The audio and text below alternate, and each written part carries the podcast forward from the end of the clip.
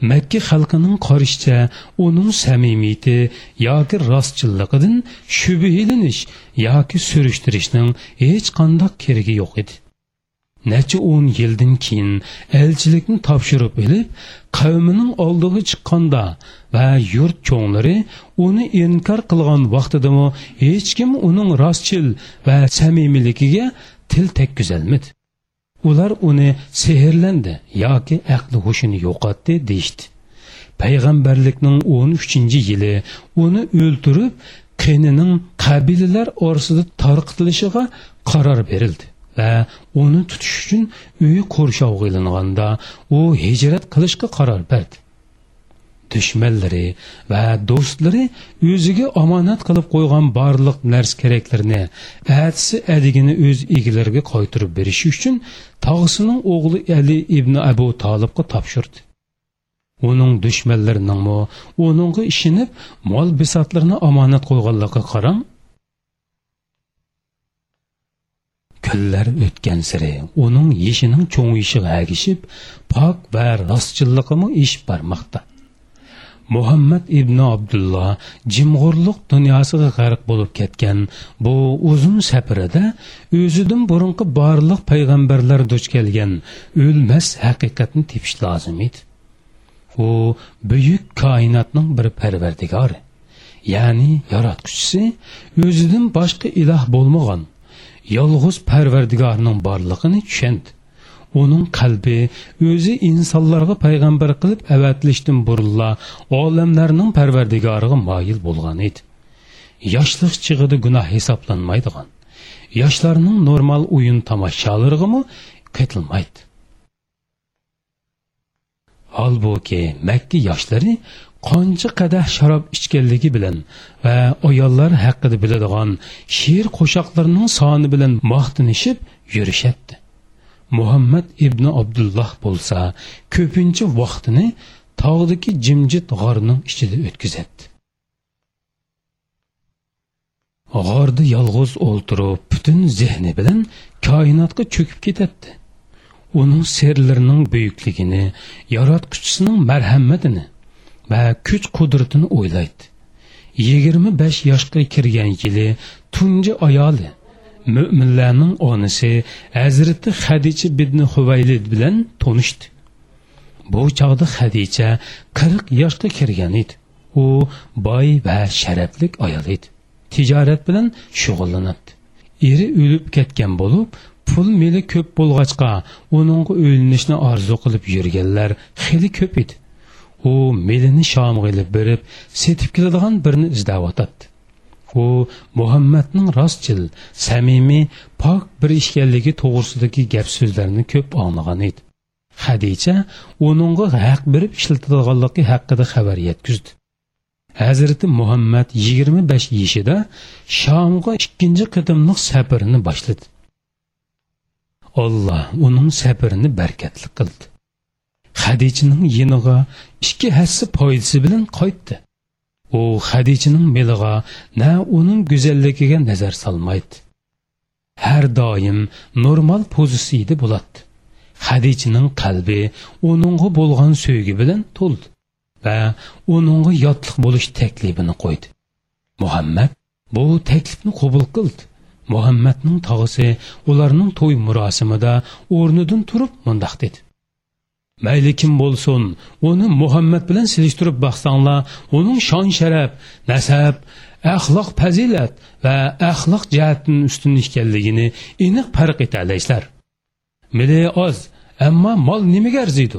Mol bizga bu dunyoda o'tniga berilgan vaqt narsadir hazrati muhammad to'y qilgandan keyin o'ylash yolg'iz qilish va ibodat qilish uchun texmi ko'p fursatga erishdi hayot uni texmi jimg'ur va yolg'iz qilaverdi ruhiy holati texmi ko'tarilib axloq fazilati texmi esillashib ketyotadi u butun zehni bilan hayotning moddiy narsalardan kishini qiziqtiradigan dunyodan neri turishga tirishdi. Pok qalbi bilan xalqning safsatlari va ularning orasida hukm surayotgan butparastlik johilatidan neri turadi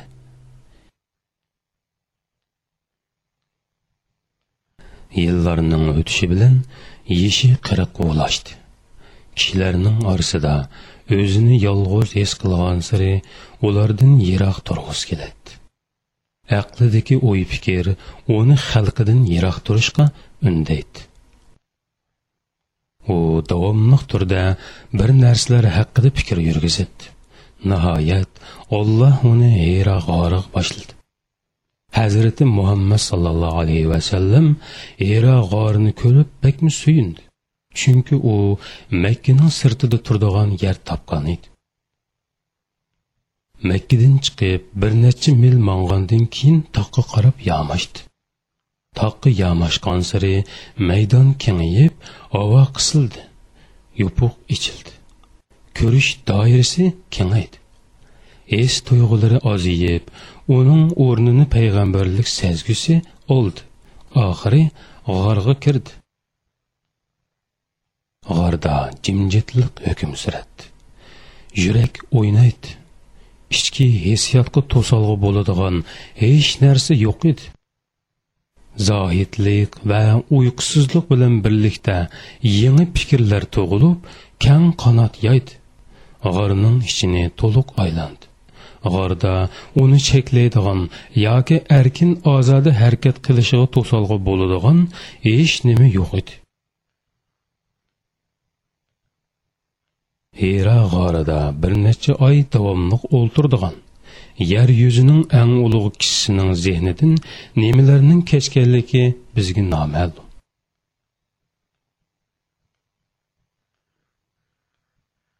O nimalarni o'ylagandi uni andishlantirgan narsalar nima edi? Zehnidan qaysi xiyollar kechgandi qalbida qaysi tuyg'ular tug'ilgandi u ibodat bilan un tinsiz o'ltirganida tog'u toshlar qandoq his tuyg'ularga cho'mgandi tosh zarrachilari dovudning zabr o'qishiga tankash qilib javob berganidek uning un tinsiz tasbihigimi inkos bildiryotgandigandi rostini aytishga to'g'ri kelsa payg'ambar alayhissalomning ayni chog'dagi holatida uning his tuyg'ularining qandoqligini biz bilmaymiz. Bizning biladiganimiz u o'ziga payg'ambarlik berilib qilishini o'ylamagan edi. Kishilarning hidoyatga boshlanishi uchun mashg'ul bo'lmagan edi. Shundoqli yana sufilar tama qilgan narsalarni kutmaydi. Alloh uni payg'ambarlikka tanlagandan keyin zohidlikni tashlab maydonga tushdi qurolini qo'liga ilib haqni quvdi oxirida nafsini yaratquchisiga topshirdi. Avval tasavvuf ondin olloh yo'lida jihod qilish o'ttirg'a chiqdi.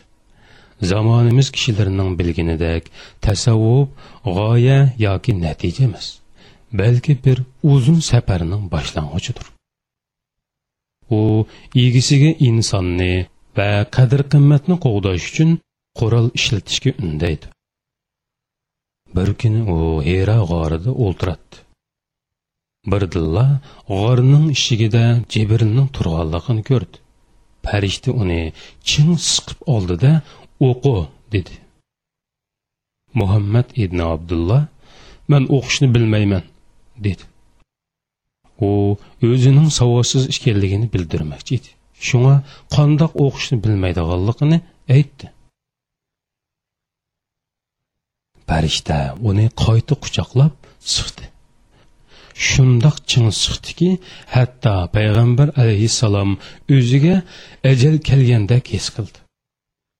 Ondin ruhul quddus ya'ni jibril uni qo'yib o'qi deb buyurdi.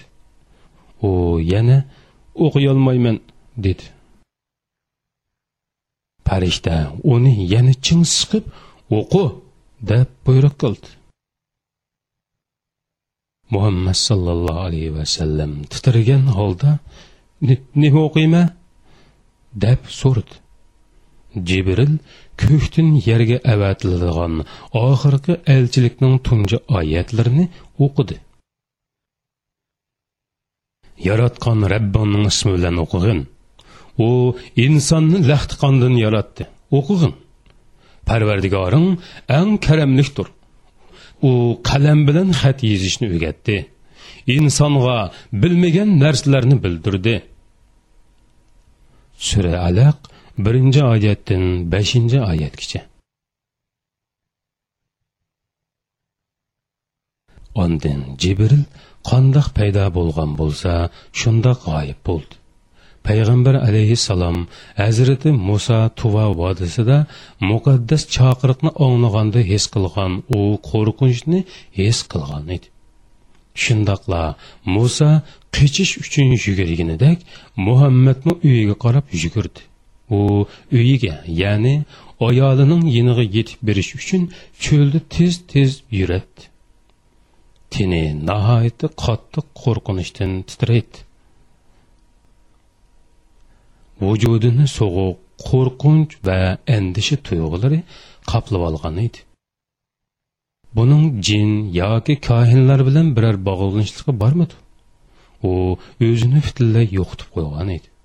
Quloqlarga g'alita ovozlar anglanadigan ko'zlariga amaliyotda mavjud bo'lmagan yuzlar ko'rinadigan bo'lib qolgan edi. Payg'ambar alayhissalom kohinlar va kohinlarning amallaridan yerginadigan bo'lg'achqa o'ziga biror ziyon zahmat yetib qilishdan qo'rqqan edi. U uyiga titirgan holda yetib keldi. Ayoliga meni yo'gab qo'yinglar meni yo'gab qo'yinglar dedi. Ayoli uni yung yepinchilar bilan yo'gab peshonasidagi tarlarni surtishga boshladi. Uning rangining tatirib ketganligini va qattiq qo'rqib titrayotganligini ko'rdi. Payg'ambar alayhissalom uningga uningdan hadicha manga nim bo'ldi deb so'radi. Ondan uningga beshidan o'tganlarni so'zlab berdi. U so'zini o'zimdan ansirayotiman deb oxirlashtirdi. Payg'ambar alayhissalom o'zi haqida qo'rqinish bilgan bu ishni aytib berganda hadicha onamizga uning asli manbasi payg'ambarlik uchun tanlanganlikning bir alomati ekanligi aniq bo'lmasimi lekin bu ishning aslida unchalik darajada andish qilish kerak bo'lmagan bir xush bishoratlik ish ekanligini tushundi. U payg'ambar alayhissalomga tasalli berib mundoq dedi. Xush xabar allohning nomi bilan qasamki olloh sizni o'sal ahvolga tushirib qo'ymaydi. Chunki sizlar urug' tuqqanlarga kuyinila to'g'ri bo'lgan narsani so'zlayla zaif ojizlarning ishiga ko'ngil bo'lila yo'qsillarga shafqat qilila uylarda mehmon kutila va kishilar haq yo'lida musibatga uchirganda ularga yordam qilila qilingan bu so'zlar payg'ambar alayhissalomning andishisini yanada bosolmadi. Hadicha uni tog'isining o'g'li varaqa ibn navfalning qishig'a ilib bordi. U johiliyat davrida xristian bo'lgan edi. Ibroniy tilida savodi bor bo'lib tavrat va injillarni biladi qirib ketgachga ko'zlari ko'rmaydi. Hadicha uningga ey tog'amning o'g'li muhammadning so'ziga quloq solsizlar dedi. Varaqa. Ey muhammad nima ko'rding? dedi. Muhammad alayhissalom hikoyasini uningga to'liqi bilan so'zlab berdi. Varaqa uni anglab chiroyi dahshatli tusga kirgan edi. U bu ollohning musoga tushirgan farishtasi isit isit o jalloda texi yosh vaqtlarim bo'lsichu dedi. Varaqa ibn navfal bir olim bo'lish sifati bilan tavrat va injilda xush bishorati berilgan payg'ambarning oldida o'tirganligini tushungan edi. U bir oz turib olgandan keyin mundoq dedi. Esed qavming seni yurtingdan haydab chiqarganida man hayot bo'lgan bo'lsamchu. Payg'ambar alayhissalom ular meni yurtimdan haydab chiqarib o'tamdi deb so'radi. Varaqa shundoq san ilib keldigan narsa har qandoq kishiga berilsa u dushmanlikka uchraydi. Agar sening da'vat ilib boradigan kunlaringgacha yoshsam cho'qim sanga yordam beraman dedi. Ish oydinlashdi. Islom avatilishga boshladi ollohning irodasi yo'lga qo'yildi. Yer yuzida ollohning payg'ambarlarining eng oxirgisini va tunji musulmonning tanlash ishi amalga oshirildi. O'qirmanlar islomning mohiyati nima deb so'rashga haqliqdir muhammad ollohning eng oxirgi payg'ambari. Va Allohning barliq payg'ambarlari musulmon bo'lganiga qaraganda Muhammad yer yuzidagi tunji musulmon bo'lsa, boshqa payg'ambarlar qandoqsiga uningdan burun kelib payg'ambar bo'la oladi? Hazrati Muhammad ilib kelgan islom mazmun jihatdan Nuh, Musa va boshqa payg'ambar ilib kelgan islomdan hech qanday farqliq emas edi. Garchi shakl jihatdan har xil bo'lsimi mazmun jihatdan hammasi o'xshash bo'lib muhim bir sabab tufaylidan hazrati muhammad ilib kelgan islomning shakli boshqacharak edi. Bu islom butun dunyo ellari uchun insoniy va abadiy elchilik bo'lib u elchilik faqat arablarga xos emas balki barliq millatlarga o'rtoq avatilgan edi. Shundoqla bu elchilik bir qabilaga bir millatga bir rayonga bir jamiyatga yoki biror davrga xos emas balki butun insoniyatga o'rtoq edi.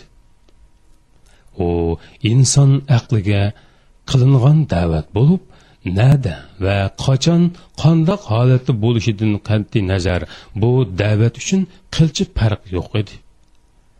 Uning barliq insonlarga o'rtoq bo'lishimi burunqi ilohiy elchiliklarda ko'rilib boqmagan edi. Chunki elchilarning har biri ma'lum zamonda ma'lum bir qavm yoki millat uchun avatilgan edi. Shunga ko'z qamashtiradigan vaqtliq mo'jizlarning hammasi burunqi elchiliklarga tava bo'lib islom inson aqliga qilingan da'vat sifatida kelgan edi. Bu ko'z qamashtiradigan mo'jizlarga hech o'rin qolmagan edi. Inson aqlini bir ziyofatga da'vat qilish uchun faqat o'qig'in degan bir ig'iz so'zning o'zila yetarlik edi.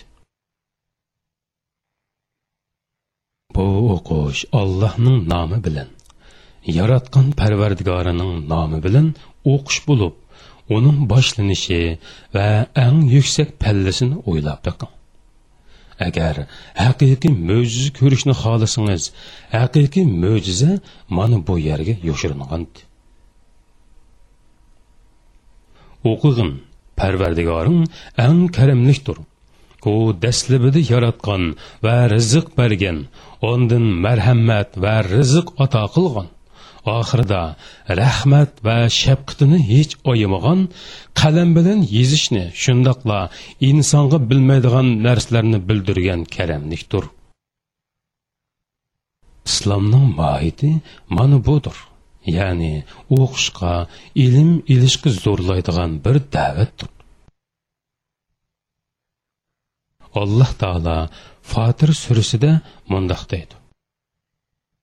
Allah'ның bəndləri işidə Allah'dan fakat alimlarla qorxudu. Sura Fatir 28-ci ayətinin bir kısmı. Allah korkuncusu fakat ilimden kelib çıkıdı.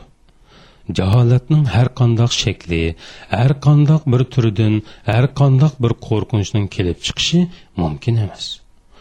Undaq bo'lgan ekan, ilm islomda asosiy majburiyat bo'lib hisoblanadi. U hargizmu hashamat va zinnat ashyosi emas. Musulmonlar islomni haqiqiy ma'nisi bilan tushungan kuni kuch quvvatga to'lgan va dunyoga hokim bo'lgan edi.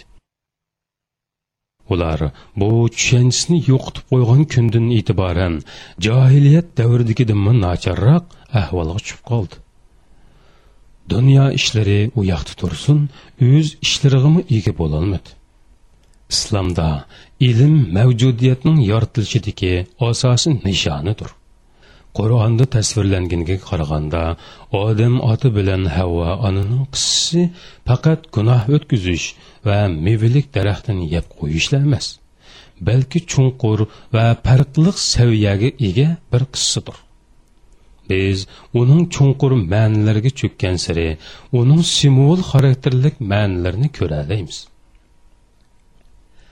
farishtalarning odam ер yer yuzini gullantirish ер yer yuzining xalifaligiga tanlanishini odam alayhissalomga ismlarning ugutilganligi va bu ismlarni deb biqish farishtalardanmi talab qilinganligi ammo ularning u ismlarni bilolmaganligi odam alayhissalomning o'zi biladigan darslarni ularga o'rgatganlik va farishtalarning yer yuzini gullantirish uchun odam alayhissalom va uning naslining ya'ni avlodlarining tanlanganligining sirini. Mana bularning hammasi inson turining yoritilishining asli g'oyasining umuman qilib aytganda ilm va ma'rifatdan iborat ekanligini o'ttirg'i qo'ymoqda. Bu fikrni alloh taolo zoriyat surasida mundoq deb ta'kidlamoqda. Jinlarni insonlarni faqat manga ibodat qilish uchunla yaratdim. Sura zariyat ellik oltinchi oyat. Biz bugun uni qandoq tushunyapmiz musulmonlarning tunji nasli ya'ni payg'ambar alayhissalomning sahobalari tobiinlari va uning askarlari uni qandoq tushungan edi biz bugun uni yuzaki bir shaklda tushunyapmiz ibodat qilish uchun degan bu ibodatni ibodatning shakllari ya'ni kalima shahodat keltirish namoz ro'za haj va zakotga o'xshash shakllarini o'z ichiga oladi. Namoz o'qiydigan va ro'za tutadiganlarning vatanlarida qulga aylantirilishi va yurtlarning ishg'ol qilinishi bilan ularning g'arbcha iddiya va fan madaniyat asosida hayot kechirishi g'arbning fan texnikasidan foydalanishi o'zlari hech nima ishlab chiqarolmay g'arbliklarning mollarini iste'mol qilishning hech qandoq ahamiyati yo'q. Musulmonlar bu ishlarga beparvolik qiladi hayot yo'lini hech bir yaxshilik yo'lga yuzlantirmaydi o'zlariga foydami berolmaydi ziyonmi keltirolmaydi. Ularning ahvoli shamolda uchib yurgan to'zg'oqqa o'xshaydi. Uning ifodasi asli va burunqi ma'nisi tuvandagidek edi. Jinlarni va insonlarni faqat manga ibodat qilish uchunla yaratdim. Sura zariyat ellik oltinchi oyat. Ibn abbos bu oyatni faqat meni tonish uchun yaratdim degan ma'ni chiqadigan shaklda o'qiydi. Qulluq va ibodatning usul va shakllardagi farqning muhimligini va uning olloh qo'rqinishiga ilib boradigan ilmdagi chunqur ma'nini o'ylab ko'ring. Tunji musulmonlar o'zining ollohni tunish uchun yaratilganligiga ishonadi. Шуңа уларның гайрат шижайты кишини хайран qoldiradi. Улар butun dunyoni qutuldirish uchun атланды. Bir qo'lida Qur'on, bir qo'lida zanjiriga bog'langanlarning zanjirini parchaqlab tashlaydigan qilich bor edi. Zamonning o'tishi bilan islomning ilm javhari g'oyib bo'ldi. Musulmonlarning dunyoni idora qilish va uni boshqarish rolimi yo'qoldi. Ular inson karvinining quyruqidan yer oldi. Ya'ni hamma narsaning orqasida qoldi. Alloh taolo imron surasida mundoq deydi olloh adolatni barpo qilgan holda guvohlik berdiki uningdan boshqa hech ma'bud barhaq yo'qdir. pərişdilərmi, ilim əhlilərmi şundaq guvahlıq bərdi. Onundan başqa heç məbud bərhaq yoxdur. O qalibdir, hikmət bilən iş qılğıcdır. Həqiqətən Allahın nəzərdə məqbul din İslamdır. Sürə Al-İmran 18-ci və 19-cu ayətlər. Allah və pərişdilərinin guvahlığından keyin olimlarning guvohligi kelmoqda ilm uchun buningdimi ortiq sharaf bormi islomdagi ilm g'arb madaniyatidagi ilmdan farqlidir islomning ilmiy ko'z qarashi va tajribaga aylangan metodlarning maydonga kelishiga sababchi bo'lganligi hammaga ayon yevropa madaniyati barliq san'at ijodiyat va kashfiyotlar bilan birlikda bir metod asosining ustiga qurildi. Tajribaga tayangan metod mukammal nuqsonsiz metod bo'lib u tajriba qilinishi mumkin bo'lganlarni tajriba qilib tajriba orqali tajribaga loyiq bo'lmaganlarni paraz orqali va faqat matematikalik hisobga muhtoj bo'lganlarni matematika yo'li orqali tadqiq qiladigan metoddir. Bu moddalarga hokim bo'lgan qonunlarni o'ttirg'i chiqarish g'oyasini talab qiladi. Bu metodning sohasi tabiat bo'lib uning materiallari his tuyg'u va aqldan iborat. Roger bakun yevropadagi bir metodning asosini qurgan edi. U o'zimi bu metodda musulmonlarga va islom madaniyatiga qarzdor ekanligini bildirmoqda. Ustoz pirolit insoniyatning bolaligi nomli kitobida g'arb madaniyatining asli manbasi haqida mundoq degan edi. Roger bakun oksford universitetida andalusdagi arab ustozlarining izbosarlaridan arab tili va arab ilmlarini o'rgandi. Roger bakun va frankis bakunning tajribasiga tayangan bu metodning shon sharpida hech qandaq haqqi yo'qdir. Robert bakun faqat islomiy ilm va metodning xristian bo'lgan yevropaga avatilgan elchilardan biri edi. U zamondoshlardan arab tili va arab ilmlarini o'rganganligini qilchi tortinmay ochiq aytgan edi. Mana bu haqiqiy ilm uchun birdan bir yo'ldir. Buni ispaniyalik bir g'arib olimi e'tirof qilmoqda. O'zlarining qo'llaridan tashlab o'tgan qurollarning bir qismi bilan yengilganligini bilish uchun buni g'aribliklar orasida ruhiy jihatdan yengilganlarga taqdim qilmoqchimiz. Bugungi g'arb dunyosining taraqqiy qilishi sharqning ustidan g'olib kelishining sirining ularning tajribaga tayangan metodga ya'ni islomiy metodga chin isilganligiga zich munosabatlik bo'lganidek g'arbning parishon bo'lishi gangirab qilishi axloqiy jihatdan cho'kishi va hayotiy bezorliqning sirlarimi bu metodning talabiga uyg'un shaklda allohga itoat qilmaganligi bilan munosabatlikdir.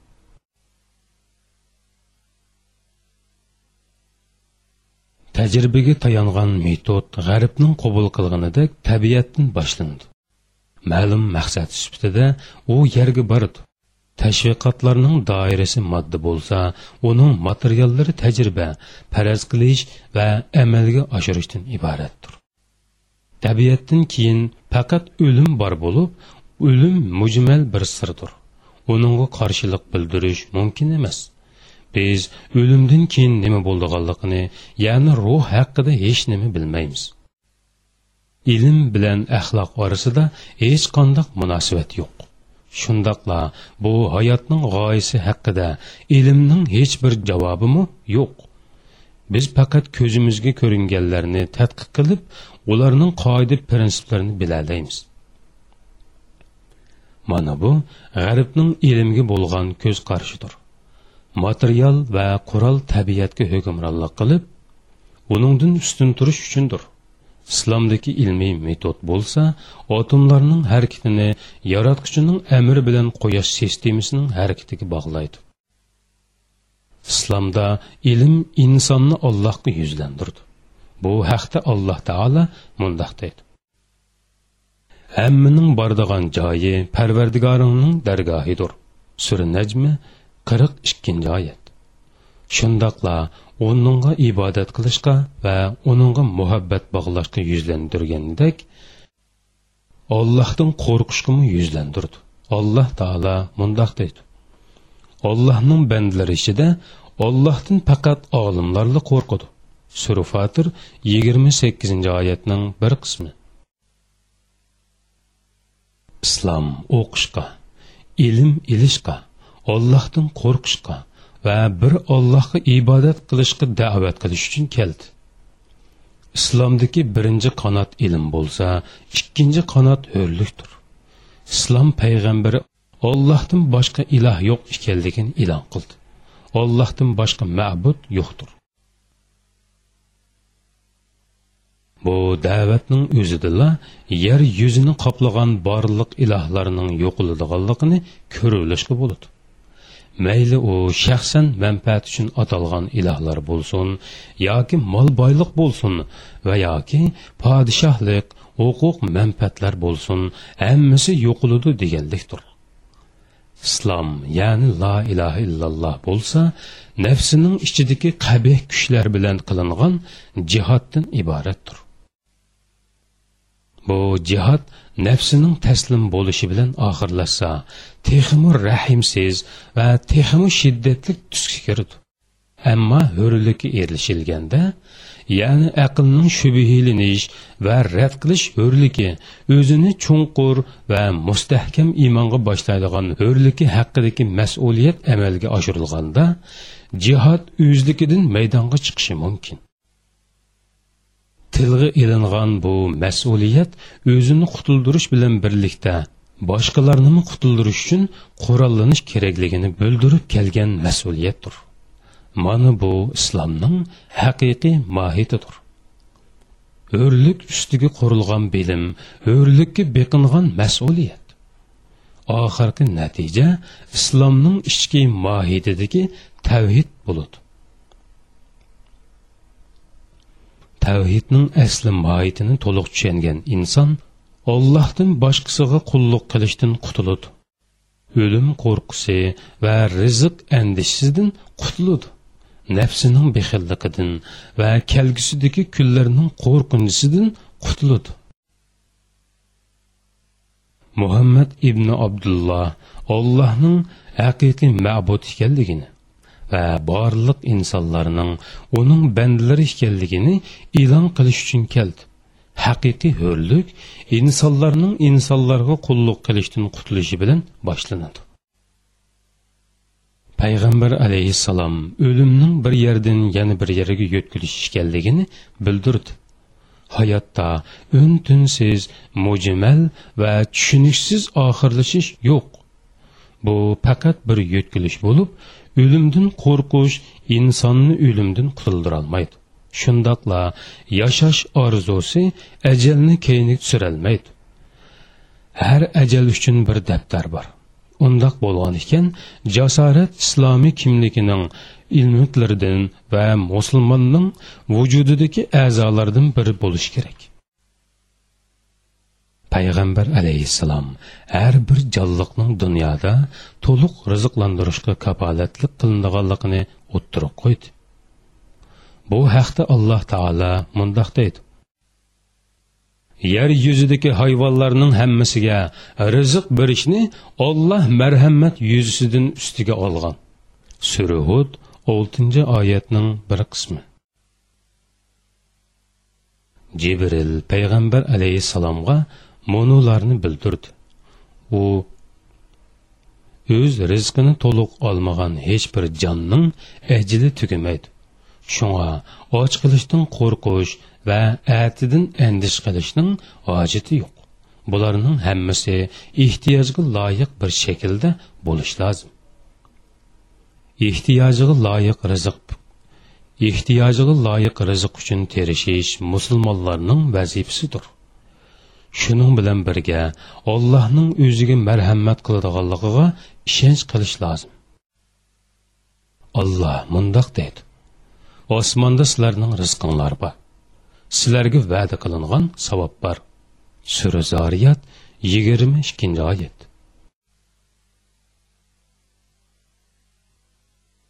Alloh taolo dunyo rizqiga kapolatlik bergandan keyin insonlarni oxirat rizqi uchun tirishishga buyuriydi. U holda dunyo rizqi kapolatlangan edi. Shunga uning uchun to'g'ri va normal darajada terishishning o'zi yetib oshidi allohning insonlarni terishishga buyrug'ini oxirat rizqi bu olloh faqat cho'ng kichik jihod ya'ni dushmanga va nafsiga bo'lgan jihod orqali kapolatga ega qilgan rizq edi.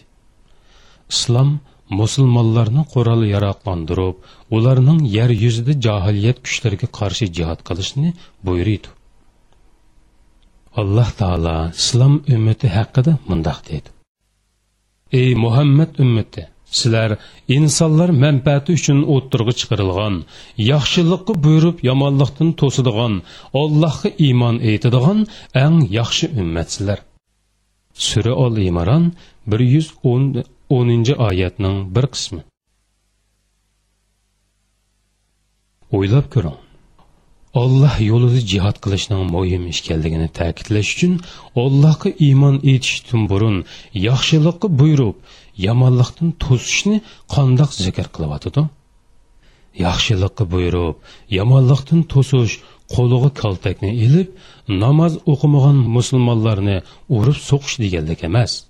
Shundoqla ro'za tutmagan musulmonlarni qamab qo'yish deganlik emas. Inson tabiati gunohkorlik va beparvolikqa moyil bo'lsa sirtqi ko'rinishga qarashdanmi bakrak muhimdir. Shunga oyatning ma'nisi allohga da'vat qilish uchun qurollanish va yer yuzida zolimlarga qarshi jihod qilish deganlikdan iborat. Abu bakr roziyallohu anhu ey jamoat sizlar ey mo'minlar o'zinglarni gunohdan saqlanglar. Sizlar qachonki to'g'ri yo'lda bo'lsanglar boshqalarning adashqini sizlarga ziyon yetkazolmaydi sura moida bir yuz beshinchi oyatning bir qismi. Degan oyatni o'qinglar. Darvaqa man payg'ambar alayhissalomning kishilar bir zolimni ko'rib turib uni tanqidlamasa ollohning ularning hammasiga umumiy jazo berishi sizlishi deganligini anglagan edim. Hazrati abu bakrning yuqoridagi oyatga bo'lgan tafsirining ma'nisi mundoq. Olloh yo'lida qurollanib jihod qilish zolimlarga qarshi jang qilish va ularga qarshi tirkishish orqali bu oyatga amal qilgan bo'lamiz. Mana bularning hammasini o'rinlagan musulmonning man vazifamni o'rinladim man to'g'ri yo'lda bo'lsamma yo'ldan ozgan har qanday manga ziyonkashlik qilolmaydi deyish haqqi bor. Mana bu dastlabki musulmonlarning iddisidir. Biz bu iddia bilan o'zimizning dastlabki zamonaviy oddiy jasoratga muhtoj qo'rqinchliq va zolimga qarshi urush qilishdan ziyonkashlikka uchrashni afzal ko'radigan iddimizga selishtirib boqayli muhammad ibn abdulloh islom elchiligida zolimlarga qarshi jang qilish va mazlumlarni qo'g'dashga doir ilohiy amrni ilib keldi alloh taolo niso surasida mundoq degan edi dunyo tirikchiligini oxiratga tegishadiganlar olloh yo'lida jinini pul milini pido qilib jihod qilsin. Kimki olloh yo'lida jihod qilib o'ltirilsa yoki g'alba qilsa biz uningga katta ajr ato qilamiz. Ey mo'minlar sizlarga nima bo'ldiki?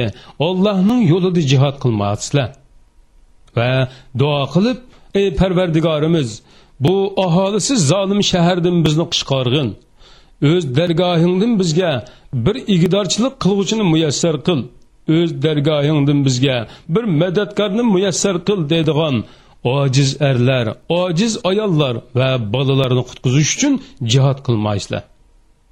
Sura nisa yetmish to'rtinchi va yetmish beshinchi oyatlar. Payg'ambar alayhissalom yana qavmiga alloh taoloning katta muvaffaqiyati haqidagi oyatini yetkazdi.